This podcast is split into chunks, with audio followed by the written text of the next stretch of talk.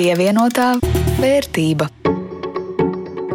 Sveicināti! Laiks pievienotāji vērtībai, raidījumam pievienotā vērtība. Ar to studijā Rudīts Pakausks no Latvijas televīzijas un Jānis Ramāns. Šodien par zaļumu un to, ko par zaļumu, videi un klimatam draudzīgumu domā uzņēmēji.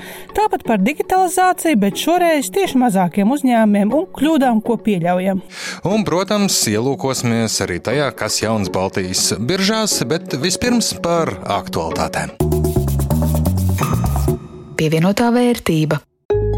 Sāksim ar makroekonomiku. Provizoriski pērn Latvijas iekšzemes koprodukts ir sarucis par 0,6%, liecina centrālās statistikas pārvaldes dati. Pilnie dati vēl top, bet pēc provizoriskām aplēsēm ražojošajās nozarēs ir kāpums par 3,6%, bet uz leju velk pakalpojumu nozare - mīnus 0,7%. Nu, ja nekādi jauni satricinājumi un nebūšanas, tad šogad ekonomika varētu atgriezties pie izaugsmes par 2 līdz 3 procentiem tālēļ ekonomikas ministrijā.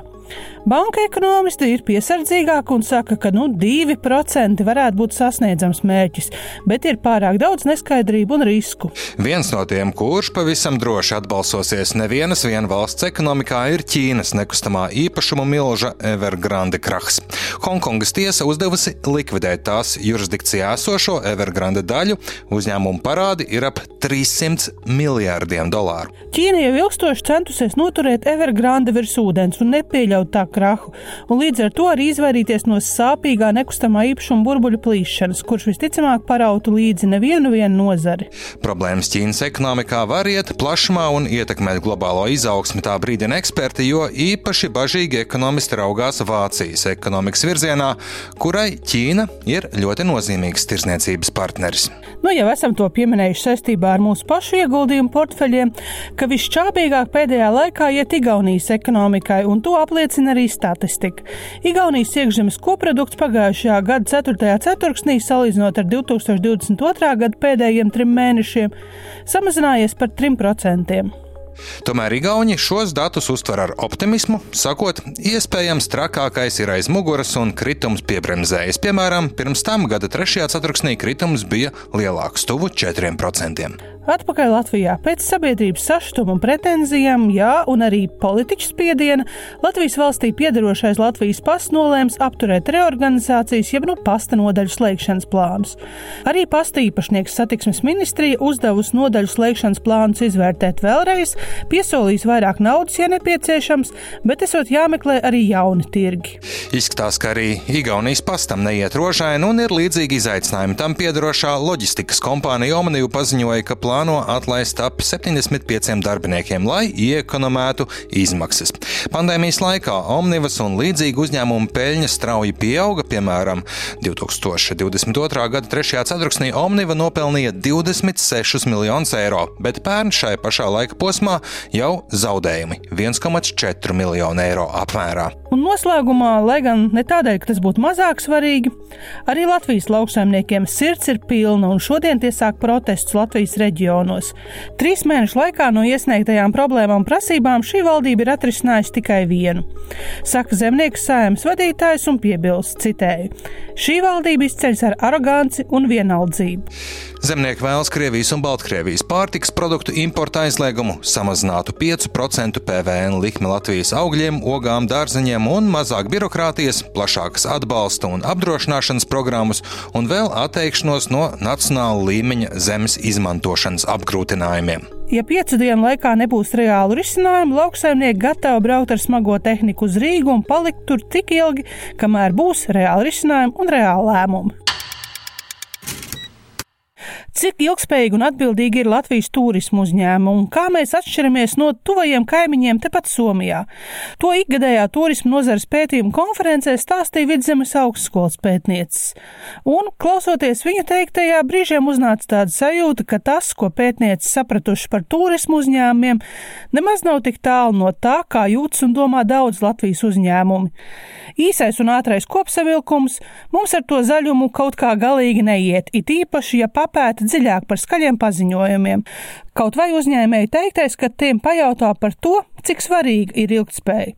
Lūk, ko par atbildēm saka Ilza Grīnfelda, viena no pētījuma autorēm. Mēs uh, redzam, ka salīdzinoši Somijā par šo nediskutē, tas nu, tiešām ir uh, nu, kaut kas ļoti dabisks. Jā, nu, tas drīzāk rada izbrīnu tāds jautājums, nu, kāpēc jūs vispār tā jautājat. Tas, tas tā vienkārši ir. Latvijā nu, nereti varbūt bija pat grūti nošķirt, kur tā atbilde ir tāda sociāli vēlama kur uzņēmuma pārstāvis saka, jā, protams, tas ir svarīgi, bet tālākajā sarunā tu redz, nu, kur tad tas pazūd, ka tas ir tik svarīgi. Vai arī tā nav prioritāte kādu citu iemeslu dēļ, un ir skaidrs, ka mūsu ne sociālā, ne uzņēmē darbības, ne politiskā vide visticamāk arī šiem uzņēmējiem neliek justies tik droši. Un, ja Somijā turisma un viesmīlības nozarē par ilgspēju domā kā par dzīvesveidu, kā par lielu sistēmu, kur katra viena rīcība ir svarīga, tad Latvijas uzņēmēji joprojām šaubās, vai viņu uzvedība un izvēles kaut ko mainīs. Un arī minot dažādas paveicamā piemērus, Latvijas uzņēmumi parasti piesauc vienkāršākas lietas, atzīst pētniece Linda Veliveronena. Tas, ko mēs visbiežāk lasījām Latvijas gadījumā, nu, tie bija šīs atsauces tādiem vienkāršiem tehniskiem risinājumiem. Man šķiet, tur reiz tā, nebija stāsta par tādu lielu un kompleksu risinājumu. Kur problēma? Izvēlēties atbildīgas un ilgspējīgas lietas biznesā nav vienkārši. Jāpārliecina darbinieki, klienti, arī kontrolējošies iestādes, jo zaļums nevienmēr iet roku rokā ar prasību izpildīšanu, it īpaši atsevišķās nozarēs. Vēl viena lieta, kas arī ir specifiska un kur patiesībā nu, uzņēmējs viņš to nevar pārkāpt, tas ir tas, kas noteikts likumā, un ja palagam ir jābūt baltam, viņam ir jābūt baltam, un to ar pelnu ziepēm varbūt tik baltu izmazgāt nevar nevar. Tā kā jā, šīs higienas prasības un tiesiskais regulējums, protams, kas skar izmitināšanu un ēdinātājus visvairāk, kur tu pat nevari būt zaļš, gribēdams būt zaļš. Grīnfelda atzīst, arī konkurētspējais zaļums var traucēt, it īpaši, kamēr iepirkumos pati galvenā būs zemākā cena. Jā, ja tas produkts varbūt ir ilgspējīgāks, kas varbūt arī būs dārgāks, viņam ir ļoti grūti konkurēt ar neilgtspējīgākiem produktiem, kur varbūt uh, formāli nu, pierāda kaut kādas pazīmes, bet cena būs labāka, un tad tas ir sarežģīti. Uzņēmēji ļoti cer, ka tas kādā brīdī mainīsies un arī patērētāji nav visai prasīgi ilgspējas jautājumos, vismaz Latvijā un vismaz viesmīlības nozarē. Turpina vēl Iveronena un Grīnfelde. Ja tas spiediens būtu, tad tas uzņēmējs arī tā kā nu, būtu spiests uz šo te, uh, spiedienu reaģēt, bet uz doto brīdi ir tā, ka tas spiediens ir diezgan maz jūtams. Lielākā daļa teica, ka neviens, un tieši šādā tekstā, neviens klients mums nekad nav jautājis, neko pieprasījis vai tam līdzīgi. Jā, ir klienti, kas klusi savā nodabā, piemēram, ja nav šķirošanas iespēja, nu, piemēram, tukšās pudeles neiemet kopējā konteinerā, bet noliek blakus, bet tā, ka jautāt, vai jums ir šāda iespēja un kāpēc nav, tas viens piemērs jā, par šo atkritumu šķirošanu, jo par to arī daudz uzņēmēji runāja nu, šajā taktiskajā līmenī. Ir uzņēmēji, un te atkal jāsaka, ka ir tāda korelācija arī cenas ziņā un tāda pakalpojumu nu, līmeņa ziņā, jo ekskluzīvākā līmenī strādā uzņēmējs, jo vairāk viņš bažīs par, ka klients nesapratīs, ka viņam, ka viņam, piemēram, kaut kādā veidā mēs teikt dod iespēju, bet klients teiks, kāpēc man liekas šķirot tos pašus atkritumus, vai kāpēc man, reku, tur kaut kāds ūdens tagad pēkšņi mazāk tek, vai beidz tecēt, kamēr es tīrīju zobus.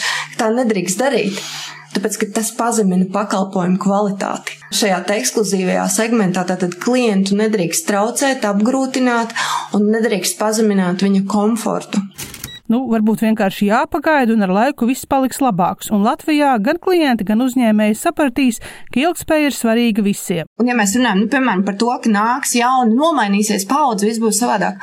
Vai šie jaunie darbinieki, mēs visi zinām, jauniešiem ļoti, ļoti svarīgi šie vidas jautājumi. Vismaz formāli viņi daudz par to runā. Viņiem sāp, ka tur pēdējais baltais degunradis nomira vai tam līdzīgi. Un mēs prasām, vai viņi jūsu uzņēmumos ienes arī šo zaļo nu, dvēsmu, vai viņi arī pieprasa, vai viņi pamāca, varbūt kā, nu, kā mūsu bērni mājās dažreiz pamāca, kā nevajag darīt. Viņi saka, nē, tā nav.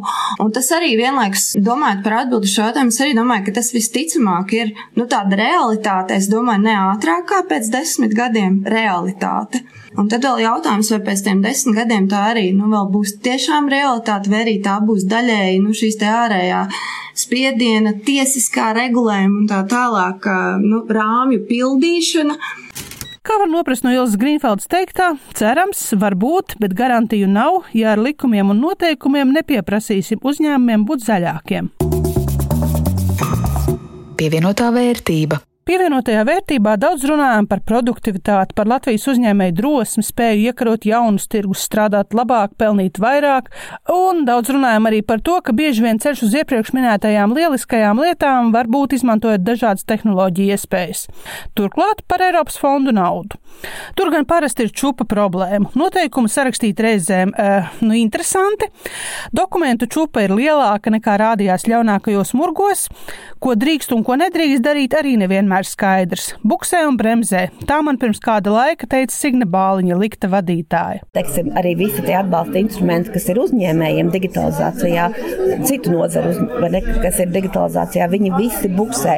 Ir tagad ir grūdienas, ekonomikas ministrija ir apstiprinājusi virkni ar programmām, un, teiksim, lai dotos uz priekšu un virzītos uz priekšu, bet mums nereti nu, tā birokrātija un tas papīru daudzums, gan digitālu, gan fizisku papīru daudzums, kas ir nepieciešams, lai tu kaut ko darīt un izmantot tos fondus, ir tik milzīgs, ka viņš faktiski bremzē.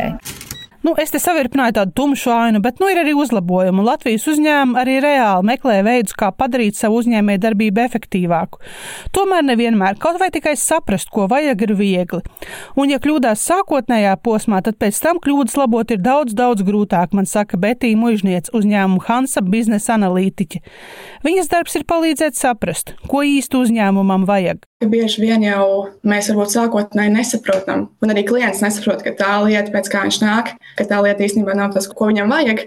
Un eh, līdz ar to projektu gaitā mums bieži vien ir tā, ka jau tajā testēšanas fāzē vai noslēguma fāzē, kad eh, šis risinājums jau ir gatavs, klients sāk viņu izmantot un saprot, ka nē, vispār šis īsti nestrādā, šis nav tas, ko viņiem vajag. Un tad jau rodas problēma, jo tie, protams, eh, gan papildus izdevumi klientam, jo tie nebija paredzēti sākotnējā tāmē, gan tās ir papildus galvas sāpes mums, jo mēs vairs nezinām īsti, kā to atrisināt.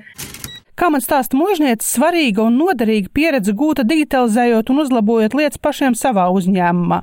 Tas ļāvis saprast, kā domā un uz pasauli skatās klienti. Tiešām nav nemaz tik viegli digitalizēt tos savus procesus. Pirmkārt, vispār ir jāsaprot, kas ir tas, ko mēs vēlamies digitalizēt, Un tā ir parasti tā galvenā problēma - definēt īsti tās vajadzības un saprast, kāpēc. Jo ir skaidrs, ka mēs gribam iet laikam, mēs gribam digitalizēt, bet uh, ko tas mums īsti dos? Un tad, pieņemsim, viens no tiem veidiem, ko mēs mēģinājām, ir taisīt tādas iekšējās ēnu dienas, kur vienkārši darbinieks no cita departamenta aiziet daļu dienas pasēdēt pie kāda cita, paskatīties, kāda viņi strādā un uh, uzdot jautājumus, jo tādā veidā tiešām tas skats uz lietām rodas pilnīgi citādāks, rodas svaigs, jo darbinieki, kas dara tās savas lietas ikdienā, viņi nemaz neredz, ka varbūt ir kaut kādas liekas darbības, ir varbūt kaut kādas neloģiskas darbības. Reizēm, protams, klienti ir jāpārliecina par to, ka labāk iztērēt nedaudz laika, lai saprastu, ko vajag. Nevis steigā atrisināt problēmu, kas beigās izrādās, ka nemaz nav tā problēma, kas bija jārisina. Bet ko tad uzņēmēji vēlas? Šobrīd ļoti aktuāli mazumtirdzniecības uzņēmumiem, un uh, tur tā lielākā sāpe ir šis cilvēku trūkums. Līdz ar to procesus vienkārši nākas optimizēt. Pieņemsim, šobrīd tas aktuālākais produkts ir uh, elektroniskās cenu zīmes kas ļoti samazina patērēto darbinieku laiku, darot tādas monotonas darbības, taču kuras ir ļoti svarīgas, lai uzņēmums varētu strādāt. Elektroniskās cenu zīmes tas pagaidām no lielo uzņēmumu sapņiem, tāpat kā autonomie droni, kuri ar laiku varētu kļūt noderīgi daudziem. Bet ko mužnieci iesaka mazajiem uzņēmumiem, ja pieejams finansējums kādam digitalizācijas projektam? Bet bez šādiem lieliem uzņēmumiem, kur, protams, šīs visas inovācijas prasa zināms ieguldījums, tad es varētu minēt, ka, piemēram, tādiem mikro vai maziem uzņēmumiem noteikti viena no ļoti vērtīgām lietām, ko varētu arī ieviest ar šiem digitalizācijas finansējumiem, ir sava mājaslapa, ir sava e-komercija, kas vienkārši paver plašāku klientu loku. Tātad, pirms ķerties pie iespaidīgiem projektiem, pārliecinies, ka šķietam elementāras lietas ir sakārtotas pievienotā vērtība. Bet Baltijas biržās aizdītajā nedēļā kāpums. Pieaugums visiem lielākais Rīgā tur 1,41%, klāt Tallinā 0,55% plusā, bet Viļņā mazākais pieaugums 0,29%. Manam portfelim neslikta nedēļa, ap 5 eiro plusā nedēļas laikā, un šobrīd Covid laikā ieguldītie 300 eiro ir 465 eiro un 5 centu vērti. Klusi ceru, ka tev pieaugums nav bijis iespaidīgs un man ir izdevies izdevies saglabāt līderu pozīciju mūsu mazajā investīciju sacensībiņā. Man portfeļu vērtība turpina tirināties ap 400 eiro robežu, tā kā var būt mierīga aizdītajā nedēļā 4 eiro klāt, galvenokārt uz Enefit Green un mazliet arī Tallink akciju vērtības pieauguma rēķina, un esmu atkal virs tiem 400 eiro, 402 eiro un 59 centi, ja pilnīgi precīzi. Nu tā tad vismaz pagaidām saglabāju savu līderu pozīciju. Pievienotā vērtība. Ar to arī izskan šodienas raidījums pievienotā vērtība. To veidoja Jānis Ramāns un no Latvijas televīzijas Rudīts Pakauska. Par skaņu rūpējās Ulris Grīnbergs. Atgādinu, ka šo un visus iepriekšējos vairāk gadu garumā raidījumus var dzirdēt Latvijas radio arhīvā, raidierakstu vietnēs un arī Latvijas radio mobilajā lietotnē. Pievienotā vērtība.